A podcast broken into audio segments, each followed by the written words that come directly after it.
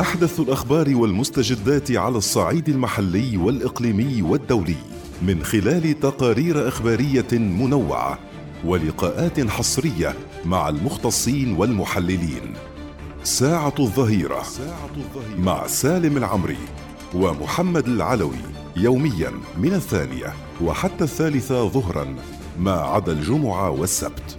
ساعة الظهيرة تأتيكم برعاية بنك ظفار بنكك المفضل علي بابا كلاود حلول وخدمات سحابية لأنشطة تجارية أكثر سرعة وكفاءة أهلا وسهلا بكم مستمعينا الكرام ورحب بالأستاذ عمر الشدي رئيس تحرير جريدة اليوم أستاذ عمر أهلا وسهلا بك.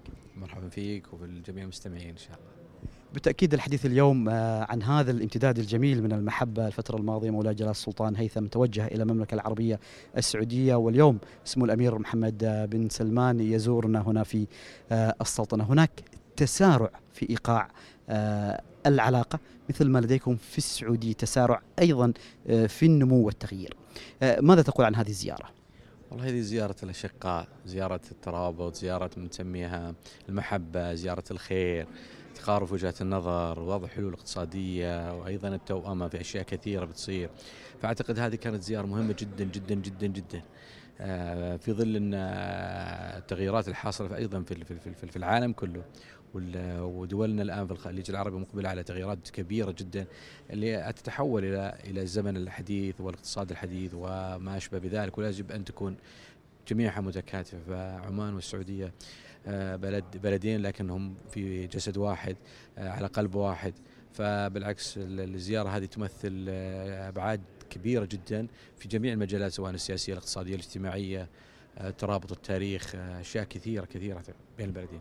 أستاذ عمر عند الحديث بالتأكيد عن الجانب الرقمي والاقتصاد الرقمي، اليوم المملكة فيها ليس فقط كلمة تطور ولكن اليوم في اتجاه لقيادة الشرق الأوسط في هذا المجال.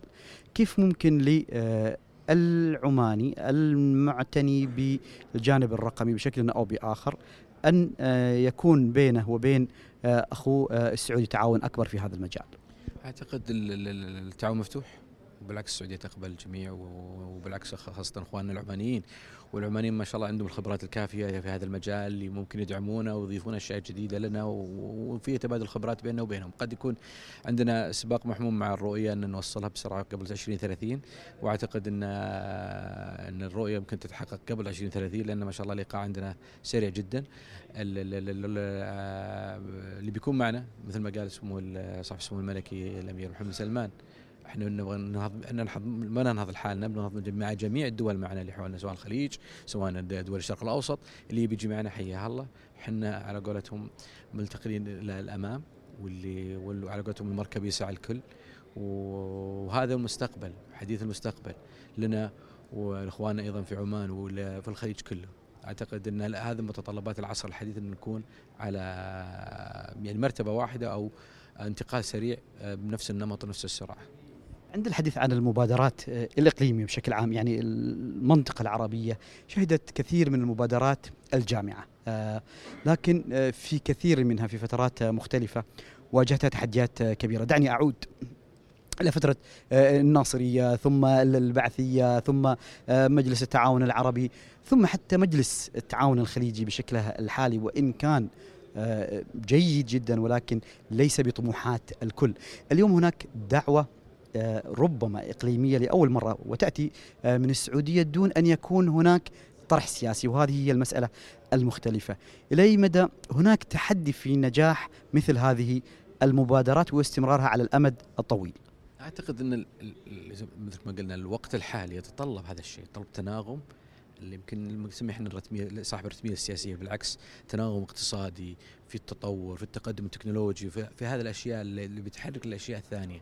مهمه للشعوب مهمه للناس مهمه للتقدم مهمه لتغيير الحياة أيضا ونمطها والانتقال إلى مراحل أعلى وأعلى أعلى في الاقتصاد وقوته وأشياء من هذه. أعتقد القوة السياسية الناعمة نسميها إحنا الآن اللي تدخل في المجالات هذه هي المطلوبة الآن.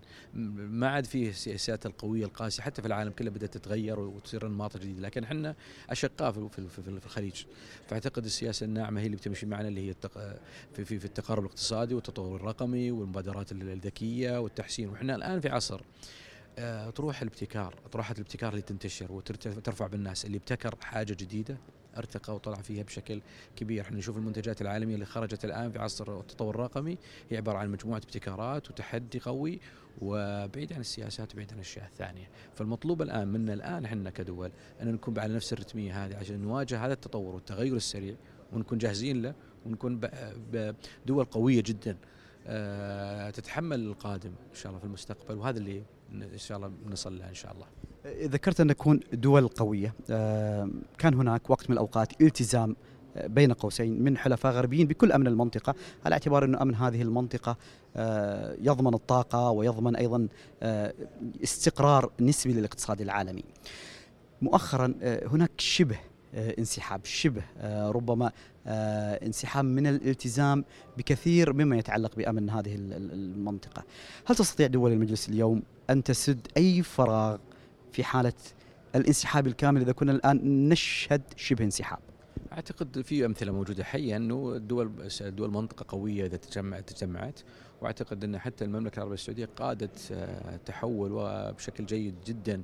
وتصدي الاشياء مثل هذه بشكل بارع جدا واجتهاد بشكل كان ممتاز جدا. والعلامات واجدة والحضور ذا ودول الخليج قوية جدا جدا. يمكن بس ما جربت قوتها كيف تطرحها وكيف إنها تفوز بأنها تفوز على أي بلد ثاني يحاول يزحزحها الدول العالمية الغرب أو دول الغرب العالمي ما تحب ما تحب الدول إنها تكون تتسيدها؟ ويمكن هذا الصراع يمكن نشوفه على صراع مثلا الأمريكي الصيني.